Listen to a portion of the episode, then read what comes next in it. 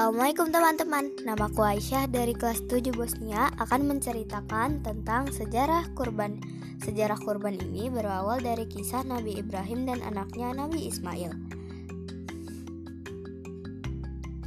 Diceritakan Nabi Ibrahim telah lama mendapatkan kehadiran seorang anak.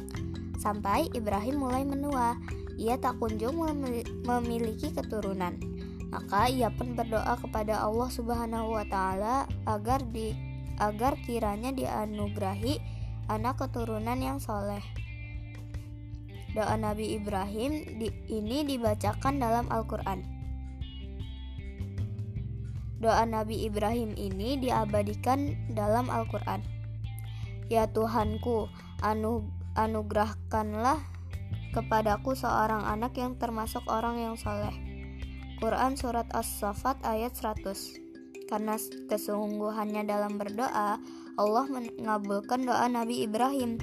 Istri kedua istri keduanya yang bernama Siti Hajar akhirnya mengandung. Kemudian lahirlah putra pertama Nabi Ibrahim yang diberi nama, diberi nama Ismail.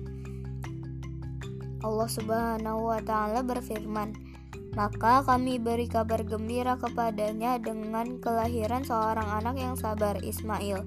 Quran Surat As-Safat ayat, ayat 101 Nabi Ibrahim tentu senang dengan kelahiran Ismail. Ia amat menyayangi putra pertamanya itu. Namun tak berselang lama setelah kelahiran Ismail, Allah memerintahkan Nabi Ibrahim untuk memindahkan Siti Hajar dan Ismail ke kota Mekah. Keduanya bermukim di suatu tempat yang kelak di sana akan dibangun Ka'bah. Kota Mekah adalah negeri padang pasir yang tandus dengan matahari terik yang menyengat. Tak ada pepohonan dan sumber air, hanya batu dan pasir sejauh mata memandang. Karena keadaan Mekah yang demikian itu, Siti Hajar menjadi risau. Bagaimana mungkin ia akan hidup berdua di tempat seperti itu bersama Ismail yang masih bayi? Siti Hajar pun menangis sedih. Ia tak sanggup jika harus ditinggalkan oleh, Ibrahim di sana. Namun Ibrahim tak bisa berbuat apa-apa sebab hal itu sudah menjadi perintah Allah. Dengan berat hati, Ibrahim terpaksa meninggalkan istri dan anaknya di padang pasir yang gersang. Ia lalu melanjutkan perjalanan. Tatkala kedua orang kesayangannya itu telah hilang dari pandangannya, Nabi Ibrahim berdoa agar Allah memberikan keselamatan dan perlindungan kepada mereka. Maka tinggallah Hajar dan putranya di kota Mekah yang tandus. Hingga suatu ketika persediaan bekal yang dimilikinya habis. Hajar lapar dan kehausan yang, menyebab, yang menyebabkan air susunya menjadi kering. Ismail yang masih bayi pun menangis karena tidak bisa menyusu. Hajar bingung dan kalut ia berlarian ke sana kemari berusaha mencari sumber air di sekitar mereka. Hajar berlari di antara Bukit Safa dan Marwah. Dari Bukit Safa, ia melihat sumber air. Nampak ada bukit nampak ada di Bukit Marwah. Kemudian berlarilah Hajar ke Bukit Marwah. Setibanya di sana, yang disangka air ternyata cuma bayangan. Ia terus berlari bolak-balik Safa Mar dan Marwah sebanyak tujuh kali. Hajar pun kelelahan, lalu ia mendengar suara yang mengarah pada tempat di mana Ismail dibaringkan dalam keadaan menangis dan meronta menghentak-hentakan kaki. Tiba-tiba di dekat kaki Ismail muncullah sumber air yang memancar. Hajar senang, bukan kepalang. Ia pun berseru, "Zam-zam!" Berkumpullah dengan tergesa, Hajar segera menampung air itu. Ia sangat bersyukur di saat-saat genting ternyata Allah menurunkan pertolongan. Seiring berjalannya waktu, Ismail tumbuh menjadi anak cerdas, saleh, dan berbudi baik. Sesuai doa yang dipanjatkan ayahnya. Ketika Ismail beranjak besar, datanglah sebuah perintah dari Allah kepada Ibrahim, perintah yang hendak menguji seberapa besar keimanan dan ketakwaan Ibrahim serta kesabaran Ismail. Pada suatu malam, Nabi Ismail Nabi Ibrahim bermimpi.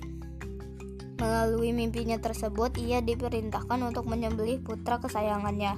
Ibrahim pun menjadi teramat sedih Bayangkan saja anak yang sudah dinanti-nantikan kehadirannya sekian lama harus disembelih oleh tangannya sendiri.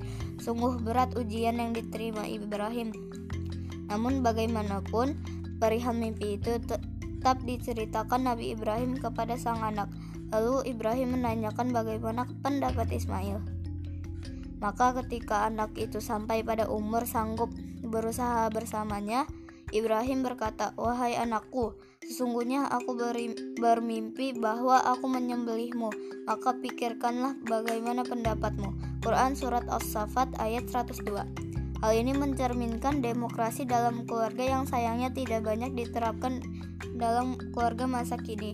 Kebanyakan orang tua dengan egois memutuskan sendiri hal besar yang berpengaruh pada masa depan anaknya. Respon yang diberikan Ismail pun sungguh di luar dugaan. Ia menerima perintah tersebut dengan rela hati. Tentang kesabaran Ismail inilah Allah memujinya dalam Al-Quran. Dia Ismail menjawab, "Wahai ayahku, lakukanlah apa yang diperintahkan Allah kepadamu. Insya Allah engkau akan mendapatiku termasuk orang yang sabar." Quran Surat As-Safat ayat 102 Maka tibalah saat yang ditentukan untuk melaksanakan penyembelihan, Ismail pun dibaringkan dengan mata basah berlinang air mata. Ibrahim memegang pedang yang sudah disiapkan.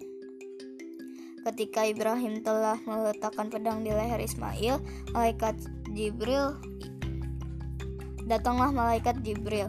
Ia menggantikan Ismail dengan seekor domba yang gemuk.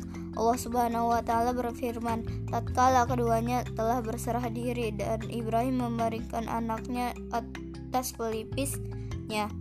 Nyatalah kesabaran keduanya. Lalu kami panggil dia, "Wahai Ibrahim, sungguh engkau telah membenarkan mimpi itu. Sungguh demikianlah kami memberi balasan kepada orang-orang yang berbuat baik." Quran surat As-Saffat ayat 103 sampai 105. Nabi Ibrahim memberikan kita teladan yang berharga. Ia ikhlas dan sabar menerima perintah untuk menyembelih putranya sendiri. Semoga Allah menggantinya eh sehingga Allah menggantinya dengan seekor domba. Ibadah kurban adalah simbol bagi setiap muslim untuk menyembelih dan mengorbankan kecintaan terhadap hal duniawi agar mendapat keridhaan Allah Subhanahu wa taala. Nah, itu dia cerita tentang sejarah kurban dariku. Mohon maaf bila ada salah kata dan semoga bermanfaat. Terima kasih. Wassalamualaikum warahmatullahi wabarakatuh.